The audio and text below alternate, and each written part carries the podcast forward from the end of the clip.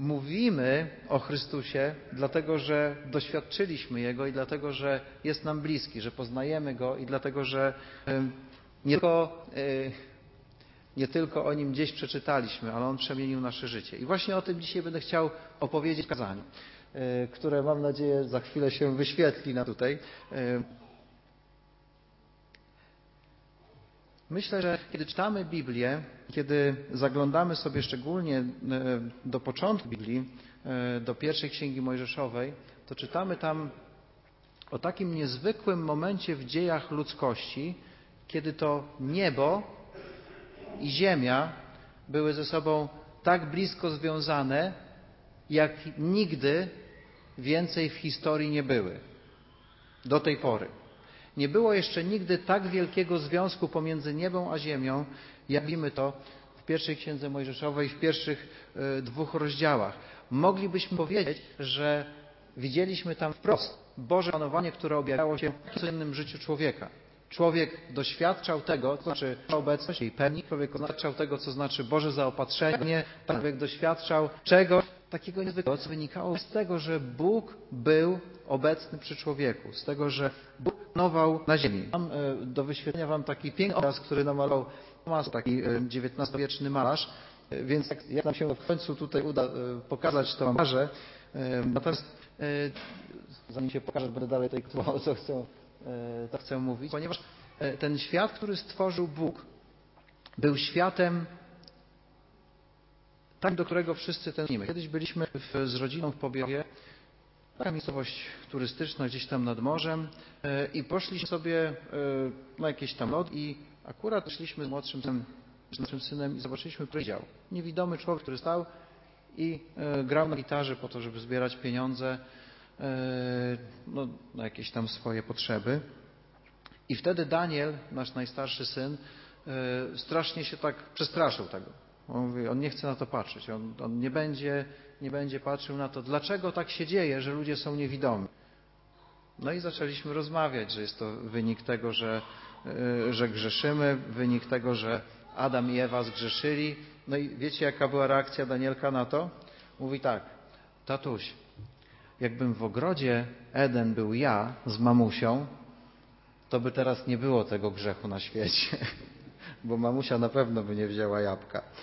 E, więc tak sobie to gdzieś wytłumaczył, że ten, e, o proszę bardzo, że ten grzech, e, że ten grzech doprowadził do tego zła, które gdzieś widzimy, do tego cierpienia, do tego, do tego smutku. I tutaj jest przepiękny obraz, który pokazuje wielkość Bożego stworzenia i pokazuje człowieka, który jest w centrum tego stworzenia. Tam e, jest takie malutki, e, malutkie dwie postaci, które pokazują właśnie, że autor próbował, ten Basz próbował pokazać, że człowiek był w centrum Bożego stworzenia i Bóg stworzył cały ogród, cały piękny świat. I ten świat, właśnie tak jak powiedzieliśmy, to był świat inny niż teraz go doświadczamy. Tutaj Daniel napisał, e, no też słabo to niestety widać, ale napisał: Na świecie stworzonym przez Boga nie było chorób. Pomagał mi tworzyć moje kazanie i tam właśnie taką karteczkę napisał. Nie było tego, było coś niezwykłego. Niebo było w pewien sposób na ziemi.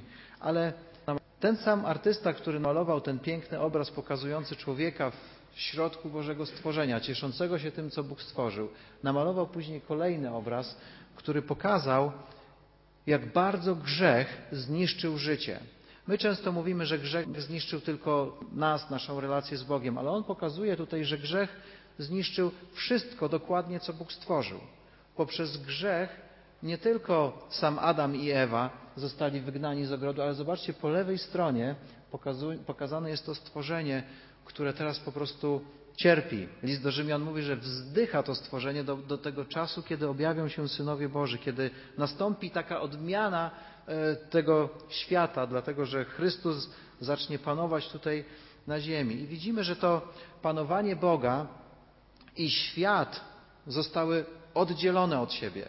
Nastąpiło rozdzielenie, którego nie było na samym początku. Nastąpiło rozdzielenie, które tak bardzo wpływa teraz na nas i z którego powodu tak wszyscy mocno cierpimy. I to oddzielenie nie było czymś, co było miłe Bogu.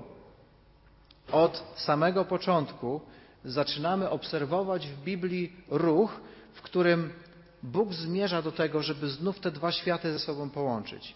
I to Bóg wychodzi do człowieka, e, na przykład zawierając przymierza z tym człowiekiem.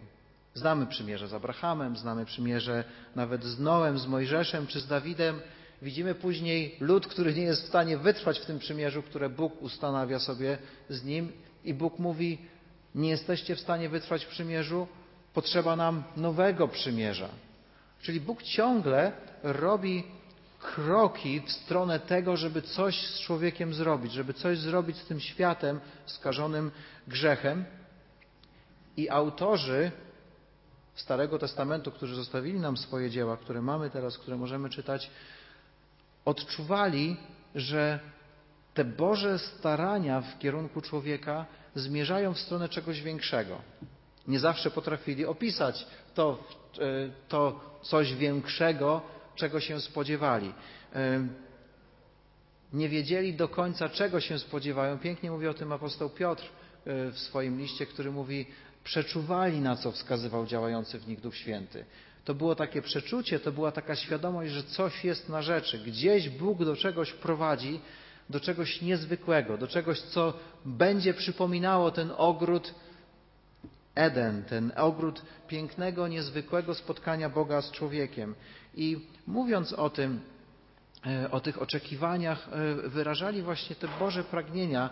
E, I dobrym fragmentem jest fragment z Ozeasza, 11 rozdział, gdzie Bóg mówiąc o swoim kontakcie z Izraelem, ze swoim ludem, mówi wyciągałem do niego ręce, próbowałem go przyciągnąć. Zobaczcie, ja uczyłem Efraima chodzić, brałem go w swe ramiona, a jego ludzie nawet nie byli świadomi, że ja ich leczyłem. Przyciągałem go więzami ludzkimi, powrozami miłości. Byłem dla Efraima jak ci, którzy podnoszą niemowlę do policzka. Pochylałem się, aby go nakarmić. Bóg pokazuje tu w, e, e, trochę tak jak, tak jak taki troskliwy rodzic, że on po prostu za wszelką cenę chciał Izrael przyciągnąć do siebie, a Izrael tak mocno od niego odchodził. E, Izrael tak często nie robił tego, czego Bóg chciał, ale Bóg w swojej miłości mówi: Ja chcę zrobić coś nowego. Tak? Mówi: Oto idą dni, oświadcza Pan, gdy zawrę z domem Izraela i z domem Judy nowe przymierze nie takie, jak zawarłem z ich ojcami w dniu, gdy ująłem ich za rękę, aby wyprowadzić z Egiptu. Tamto przymierze ze mną oni zerwali, chociaż ja byłem ich Panem. Teraz jednak zawrę z domem Izraela takie przymierze. Oświadcza Pan moje prawo, włożę w ich wnętrza i wypiszę je na ich sercach. Ja będę ich Bogiem, a oni będą moim ludem. Przepiękna fraza, która pojawia się przez całą Biblię. Ja będę ich Bogiem, oni będą moim ludem. Bóg spodziewa się tego, znaczy Bóg pokazuje swoim prorokom, że tego mają się spodziewać, że następuje coś. Więc w tej myśli, w takim oczekiwaniu na jakąś niezwykłą Bożą ingerencję w dzieje ludzkości, pojawia się Pan Jezus, który mówi słowa bardzo dla nas znane. Po uwięzieniu Jana przyszedł do Galilei Jezus i zaczął głosić dobrą nowinę którą przyniósł od Boga, podkreślał, że to już koniec czekania. Nadeszło Królestwo Boże. Czas porzucić własne drogi i zaufać prawdą dobrej nowiny. To fragment, którego końcówka wisiała kiedyś u mnie w zborze w Gorzowie Wielkopolskim. Upamiętajcie się i wierzcie Ewangelii w przekładzie Biblii Warszawskiej. Upamiętajcie się i wierzcie Ewangelii. Jezus, który przychodzi odpowiadając na te oczekiwania Starego Testamentu, na jakąś niezwykłą zmianę, przychodzi i mówi: Upamiętajcie się i wierzcie Ewangelii. I e, to przyjście Jezusa naznaczone jest takim e, kolejnym jakby e, momentem, gdzie Królestwo Boże zaczyna zachodzić na to królestwo tutaj ziemi, na ten grzech, na to zło, które jest tutaj na ziemi. Jan, apost- Jan Chrzciciel niepewny tego, kim tak naprawdę jest Jezus, mówi: To ty? O co tutaj chodzi? Czy, czy tutaj dzieje się to, co zapowiadali prorocy? I wtedy Jezus mówi: Tak, zobacz. Są na przykład uzdrowienia. Cytując Izajasza, Jezus mówi: Chromi chodzą, ślepi widzą, głusi słyszą. Są uzdrowienia. Dzieją się niezwykłe rzeczy, cuda. Tu akurat widzimy nakarmienie, nakarmienie pięciu tysięcy, to akurat z jakiegoś, z jakiegoś filmu wziąłem takie zdjęcie, ale nakarmienie poza tym, że było rozmnożeniem chleba i było oczywistym cudem, to było też nawiązaniem do tego, do fragmentów z księgi Ezechiela, gdzie Ezechiel zapowiada, że w końcu przyjdzie ktoś, kto nakarmi mój lud. Będzie taki pasterz, który będzie karmił mój lud. I Jezus to wypełnia. I Jezus mówi do Jana Chrzciciela, nie wierzysz? Popatrz, co robię. Zobacz, co robię i wtedy będziesz miał pewność tego, że niebo zaczyna przybliżać się tutaj do ziemi, że przybliża się Królestwo Boże. Boże panowanie zaczyna tutaj w jakiś sposób funkcjonować. E, ale to Boże panowanie i życie Jezusa wiemy, że to nie same cuda. Wiemy, że Jezus również umarł, doświadczył śmierci na krzyżu i było to coś strasznego dla Jego naśladowców. Było to coś nieoczekiwanego. Nie był to, nie był to e, scenariusz, który by sobie napisali dla swojego Mesjasza, dla swojego Pana. E, jednak Jezus na tym nie poprzestał. Jezus zmartwychwstaje. Dokonując niezwykłego cudu w historii, w historii całej ludzkości, byśmy powiedzieli w historii nawet e, kosmosu, wszechświata, Jezus zmartwychwstaje i pokazuje nam to Ewangelia, że dokonuje się tutaj coś niezwykłego, ale e, ta niezwykłość dzieła Chrystusa nie polega tylko na tym, że On zmartwychwstał. Ponieważ kiedy czytamy Ewangelię Marka, czytamy niezwykłe słowa. E, niestety nie jesteśmy w stanie tego dostrzec e, w naszych przekładach, więc trochę Wam pomogę tutaj, popodkreślałem pewne rzeczy, gdybyście sobie po, poczytali w, w Grece, Samuel może pomóc, to, to będzie to dość oczywiste, ponieważ jest w księdze Izajasza pewien fragment, niezwykły fragment, który wieńczy dłuższy fragment zapowiadający, e, e, oczekujący na to, że Bóg w końcu stąpi w tą rzeczywistość i coś zrobi. I przeczytam Wam ten fragment. To jest Księga Izajasza, 64 rozdział. Nie mamy go tutaj wyświetlonego,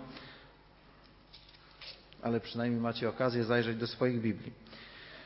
W 64 rozdziale, w pierwszym wersecie czytamy słowa, które Izajasz wypowiedział w niezwykłym oczekiwaniu na Boże działanie, na to, że Bóg w końcu za, e, jakoś zainterweniuje w tą rzeczywistość i coś zrobi. I zobaczcie, co jest napisane. Obyś rozdarł niebiosa i stąpił. W ten sposób zaczyna wołanie do Boga. I później cały jest fragment, który mówi o tym, czego się spodziewać po tym zstąpieniu Boga w ludzką rzeczywistość. I ludzie, którzy znali Stary Testament, którzy wiedzieli, jak, jakimi słowami czy jakim językiem ów e, tekst się posługiwał, od razu dostrzegli, że Izajasz w greckim przekładzie Starego Testamentu używa słowa schizo. Tak, skąd mamy takie słowo schizma, tak? Jakieś rozdzielenie czegoś. I Marek, mówiąc o tym, że niebo się rozdziera, używa tego samego słowa. Kiedy jest chrzest Jezusa, gdy wychodził z wody, zobaczył rozdzierające niebo, rozdziera, rozdarte niebo i ducha, który jak gołębica stępował na niego. Dla uważnych czytelników Marka następuje tu niezwykłe wydarzenie na skalę właśnie historii wszechświata. Oto Bóg w Chrystusie wstępuje w dzieje ludzkości. Dlatego pierwsi chrześcijanie nie umieli nie uwielbiać Chrystusa jako Boga, ponieważ wszystko, co widzieli w Chrystusie, wskazywało im na to, że to jest Jahwe ze Starego Testamentu, że to jest ten Bóg, który miał stąpić w dzieje ludzkości, wstępuje tutaj w Chrystusie. Dlatego mamy nawet świadectwa niepochodzące od chrześcijan. Mamy takiego pana Pliniusz, jest taki historyk, który mówi o tym, że chrześcijanie się spotykają i tam śpiewają jakiemuś Jezusowi. On to tak dość, e, znaczy jego to w ogóle nie obchodziło, tak on tam prześladował tych chrześcijan, więc, e, ale pisze o czymś takim i my możemy teraz widzieć, że chrześcijanie oddawali cześć Jezusowi jako Bogu, dlatego że oni po prostu w nim widzieli Boga. I my też widzimy w nim Boga. I e, Marek właśnie w taki ciekawy sposób przedstawia to, co się dzieje w Chrystusie, który stępuje, który zostaje chrzczony, ale to nie koniec ale to nie koniec. I y, to jest po prostu niesamowite w tekstach biblijnych, kiedy czytamy je głębiej, patrzymy na nie jako na całość. Drugi raz Marek używa tego słowa w swojej Ewangelii i ostatni. W 15 rozdziale 38 i 39 Jezus zawołał donośnym głosem i wydał ostatnie tchnienie. Wtedy zasłona przybytku rozdarła się na dwoje. Co to może mieć wspólnego? Co te trzy fragmenty mogą mieć ze sobą wspólnego? Wiecie co? Myślę, że trudno było tym pierwszym czytelnikom nie dostrzec bardzo oczywistej prawdy. Bóg wstępuje w Chrystusie na ziemię i w Chrystusie otwiera drogę do siebie.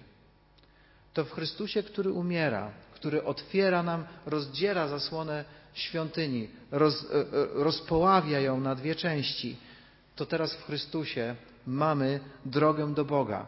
I bardzo często e, skupiamy się na jakichś takich elementach interwencji tego Bożego działania tutaj, które są fajne, które, nie wiem, cuda, doświadczenia jakieś tam no, niezwykłe, a zapominamy, że Bóg otwiera nam drogę do siebie poprzez Jezusa Chrystusa. Jezus Chrystus jest tą niezwykłą drogą i właśnie o tym świadczą apostołowie, o tym świadczy tekst biblijny, właśnie pokazując nam, że Chrystus otwiera nam drogę. Ale jest niezaprzeczalnym faktem, że kiedy Chrystus wstępuje w naszą rzeczywistość, kiedy my zaczynamy z Nim się gdzieś e, do Niego zbliżać, kiedy Go poznajemy, to dzieją się niezwykłe rzeczy. Czasami dzieją się cuda.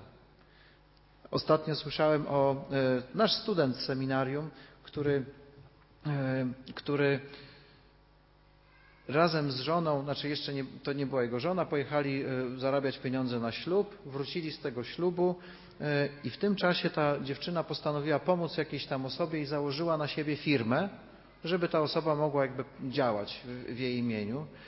I tym sposobem to, to małżeństwo zaraz po ślubie okazało się, że dostało pismo z Urzędu Skarbowego, że zalegają w Urzędzie Skarbowym z jakąś opłatą za coś tam 400 czy ileś tam set tysięcy złotych. Potężna kwota. Załamali się, ponieważ e, w Danii, tam gdzie byli, on miał bardzo dobrą pracę. Był inżynierem, ale pragnął być tutaj w Polsce, bo chciał służyć. On postanowił sobie, będę służył Bogu, przyjadę tutaj, będę służył. I przyjeżdża służyć tutaj i okazuje się, że musi zarabiać pieniądze, a nie może służyć. I to nie małe pieniądze, bo jeszcze gdyby wziął kredyt na przykład na mieszkanie i wiedział, że coś spłaca, a tak naprawdę miał dług kogoś, kto y, zrobił im wielki problem. I zaczęli się modlić i powiedzieli sobie tak, Boże, nie pojedziemy tam, bo wiemy, że przyprowadziłeś nas tutaj do służby i zostajemy tutaj. I z takim zaufaniem zaczęli żyć, jakoś przymierzając się do spłaty tego kredytu, po czym dostali e, taką informację z Urzędu Skarbowego, że pani naczelnik Urzędu Skarbowego popełniła jakiś błąd i ten dług został anulowany. E, kiedy pojechali tam do tego urzędu razem z bratem tej dziewczyny, E, to ten brat w ogóle niewierzący, jak już wracali z tym pismem, gdzie było napisane nie ma długu, on tak popatrzył na nią i mówi, chyba zacznę chodzić do tego waszego kościoła. E, ale, ale doświadczamy takich rzeczy, że czasami to jest po prostu aż niezwykłe, że się coś takiego dzieje.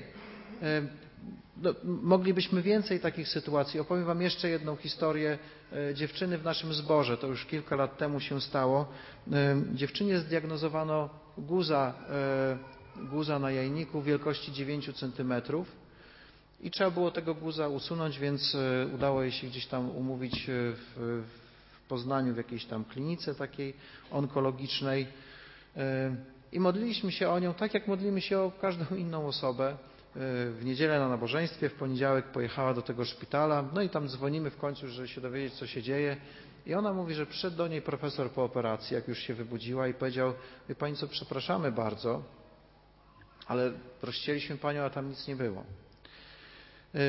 I oczywiście można powiedzieć, że ktoś wcześniej zrobił złe badania albo coś, ktoś się pomylił, natomiast rzadko się zdarza, że aż, aż takie rzeczy się dzieją, bez względu na to, jak to, no, no była to niezwykła rzecz, którą widzieliśmy, że Bóg zrobił. I ten, to, to zetknięcie się tej Bożej rzeczywistości z naszą, tego powrotu do tego, co Bóg chciał, często właśnie skutkuje takimi rzeczami, takimi niezwykłymi przejawami, niezwykłymi przejawami Bożej działalności. Często e, doświadczamy tego na przykład, e, kiedy czytamy Słowo Boże, czegoś doświadczamy, kiedy, nie wiem, czytamy, śpiewamy piękną pieśń, kiedy odkrywamy jakieś nowe prawdy Boże, doświadczamy tego zetknięcia się nieba z ziemią i jest to dla nas coś niezwykłego. Ale okazuje się, że nie jest to e, sprawa tak bardzo częsta, chociaż nam się marzy, żeby to zetknięcie się tych dwóch rzeczywistości nie było takie, jak tam widzicie. To taki zbiór matematyczny, dwa zbiory mają część wspólną. Bo e, marzy nam się chyba, żeby było tak. Żeby więcej tego Królestwa Bożego było w naszym życiu, co nie? Żeby nie tylko jakiś taki mały element zachodził na siebie. Niektórzy nawet mówią, że fajnie by było, jakby było tak, żeby już teraz tutaj na ziemi było Boże Królestwo. I często są ludzie, którzy mówią, że jest, że wszystko możemy mieć i e, jednak okazuje się, że e, nie zawsze tak jest. Zasmakowaliśmy tego Bożego Królestwa, chcemy go więcej, ale okazuje się, że bardzo często pojawiają się kłopoty. Często modlimy się i okazuje się, że nie daje się pewnych sytuacji rozwiązać.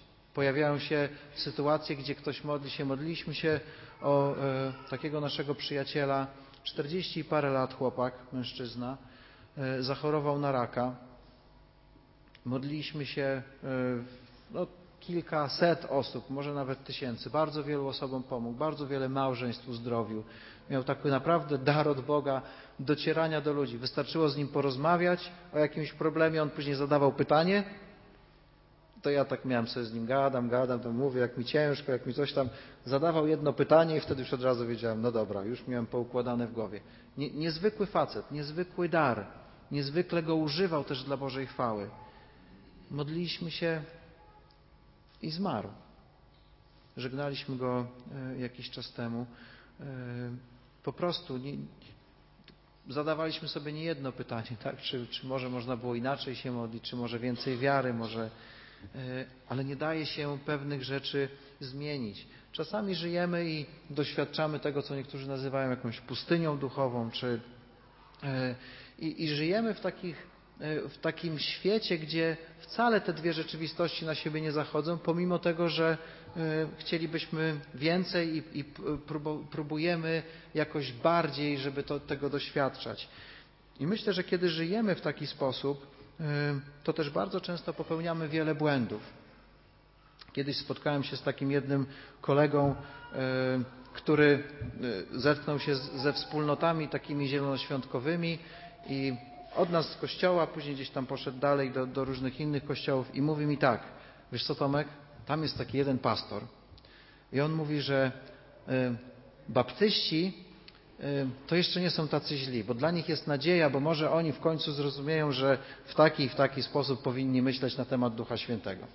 I tak sobie pomyślałem, jak to jest, że doświadczenie czegoś, bo nie wierzę, że ta wspólnota, w której pastor coś powiedział, nie doświadczała mocy Bożej, ale doświadczenie tego, co oni doświadczyli, tego zejścia Królestwa Bożego sprawiło, że on teraz według tego ocenia innych i teraz według tego próbuję mówić, każdy ma tak robić. Zobaczcie, co często się dzieje, doświadczywszy Bożego działania, kościoły na przykład w Stanach, które się rozwijają pięknie, my jedziemy tam, patrzymy, jak pięknie rozwijają się te wspólnoty. Bierzemy to i próbujemy tutaj. Byłem świadkiem powstawania zborów w Poznaniu, e, które były oparte tam na jakichś na jakichś różnych takich poglądach e, amerykańskich, bo tam zadziałało, tutaj nie zadziałało. Ale to jest właśnie to, co my często, to, co my często robimy, ponieważ chcemy za wszelką cenę, żeby to Królestwo Boże na siłę ściągnąć tutaj i wydaje nam się, że w jakiś sposób je ściągniemy. Wydaje nam się, że jeżeli będziemy śpiewać właściwe pieśni, robić właściwe uwielbienie, to wtedy na pewno coś się będzie działo. Ale myślę, że e, chyba nie tego pragnie od nas Bóg. Chyba nie tego na siłę przyciągania Bożej rzeczywistości tutaj i łączenia tych dwóch królestw. Bo kiedy czytamy dalej Ewangelię Marka, to znajdujemy niezwykły fragment, który mówi tak. Kto bowiem pragnie swoją duszę ocalić, utraci ją, a kto utraci swoją duszę ze względu na mnie i na dobrą nowinę, ocali ją. To jest coś niezwykłego. Kto może powiedzieć takie słowa? Kto może powiedzieć słowa, że możesz próbować swoje życie zachować, próbować ocalić te życie, próbować zrobić wszystko, żeby to życie ocalić. Jeżeli to zrobisz, to je stracisz. My cały czas robimy wszystko, żeby życie zachować. Zobaczcie, e, nie mówię, że w kościele, ale jak popatrzycie sobie dookoła, co ludzie robią? Zdrowe odżywianie, fitness areny, tak? Albo na przykład, nie wiem, nie jeść to, a jeść tamto, taka dieta czy inna dieta. Wszystko robimy po to, żeby, żeby być zdrowszym, żeby oddalić tą starość od siebie, żeby oddalić choroby, żeby było lepiej. I znajdujemy sobie sposoby na życie, żeby, żeby, było, żeby uratować to życie. A Pan Jezus mówi, że jeżeli to będziesz robił, to to życie stracisz. Ale mówi też coś innego. Kto utraci życie swoje, ten je odzyska. Ale myślę, że widzicie, że w tym tutaj zestawieniu pominąłem, pominąłem kluczowy fragment, e, czy kluczową część tego fragmentu, ponieważ Pan Jezus mówi, kto utraci duszę swoją ze względu na mnie i na dobrą nowinę. Na to przesłanie o tym, co robię, o tej mojej ingerencji w życie ludzkości. Kto utraci swoją duszę ze względu na to? To nie chodzi o to, że mamy stać się ascetami, którzy utracą życie swoje, tak? Nic, życie jest nieważne. Też często znajdują się takie nurty gdzieś tam w naszych chrześcijańskim myśleniu. Nic nie jest ważne. Najważniejsze jest po prostu będę siedział i umartwiał się, bo wtedy może dobrze będzie. Nie, Jezus tego nie mówi. Jezus mówi utrać swoje życie, zostaw wszystko, ale dla mnie. Mnie uczyń najważniejszym to na mnie się skup przede wszystkim. To zadbaj o to, żeby, żebym ja był dla Ciebie kimś najistotniejszym w Twoim życiu. Nie doświadczenie mojego królestwa, nie to, że uzdrowiłem, nie to, że pomogłem rozwiązać problemy finansowe, nie to, że stało się to czy tamto. Nie to jest w ogóle najistotniejsze, tylko najistotniejsze jest to, że możemy przyjść do Chrystusa drogą otwartą, tak jak mówili do Hebrajczyków, właśnie przez Jego ofiarę. Przychodzimy do Boga przez to, co zrobił dla nas Chrystus. I to jest najniezwyklejsza prawda. To, że możemy stanąć dzisiaj, tutaj śpiewając pieśni, możemy przyjść do Chrystusa i powiedzieć: Panie Jezu, tylko Ty. Kto mógł powiedzieć takie słowa? Myślę, że tylko Bóg. Tylko Bóg mógł powiedzieć takie słowa, że to na Nim oparte jest całe nasze życie, całe Twoje powodzenie, całe Twoje dobro duchowe i to, kim Ty jesteś, jest oparte tylko i wyłącznie na Chrystusie. Jeżeli oprzesz je na czymśkolwiek innym albo na kimkolwiek innym, to tak jak mówi ten fragment, utracisz to swoje życie.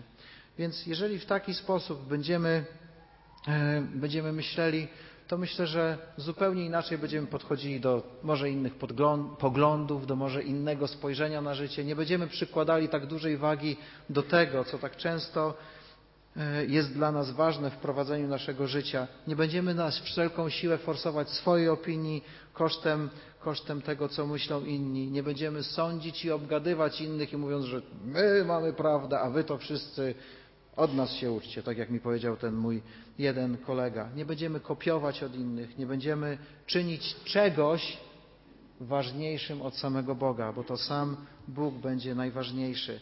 I e, takie życie, to jest życie, do którego zachęca nas Ewangelia. Życie pełne upamiętania, ciągłego odwracania się od grzechu, ciągłego zwracania się w stronę Chrystusa. Życie, które Chrystusa czyni kimś najważniejszym, czyni sednem naszego życia. Życie, które zachęca do spędzania czasu z Nim, do uczenia się od Niego, do przebywania z Nim. I życie, które w końcu skupione na Chrystusie daje nam tą świadomość, że niebo będzie w niebie. A tu jeszcze musimy trochę pożyć, aż stanie się to, o czym Samuel czytał na początku nabożeństwa. Także kiedy będziemy dzisiaj e, przychodzić do wieczerzy pańskiej, przystępować, to myślmy o tym, co zrobił dla nas Chrystus. Jak wielką i wspaniałą rzecz dokonał dla nas, umierając za nasze grzechy. I że tak naprawdę w tym jest nasze życie, nie w tych wszystkich rzeczach dookoła. One są piękne i wspaniałe, ale jeżeli Chrystus nie będzie naszym wszystkim, to wszystko inne stracimy. Dziękuję bardzo.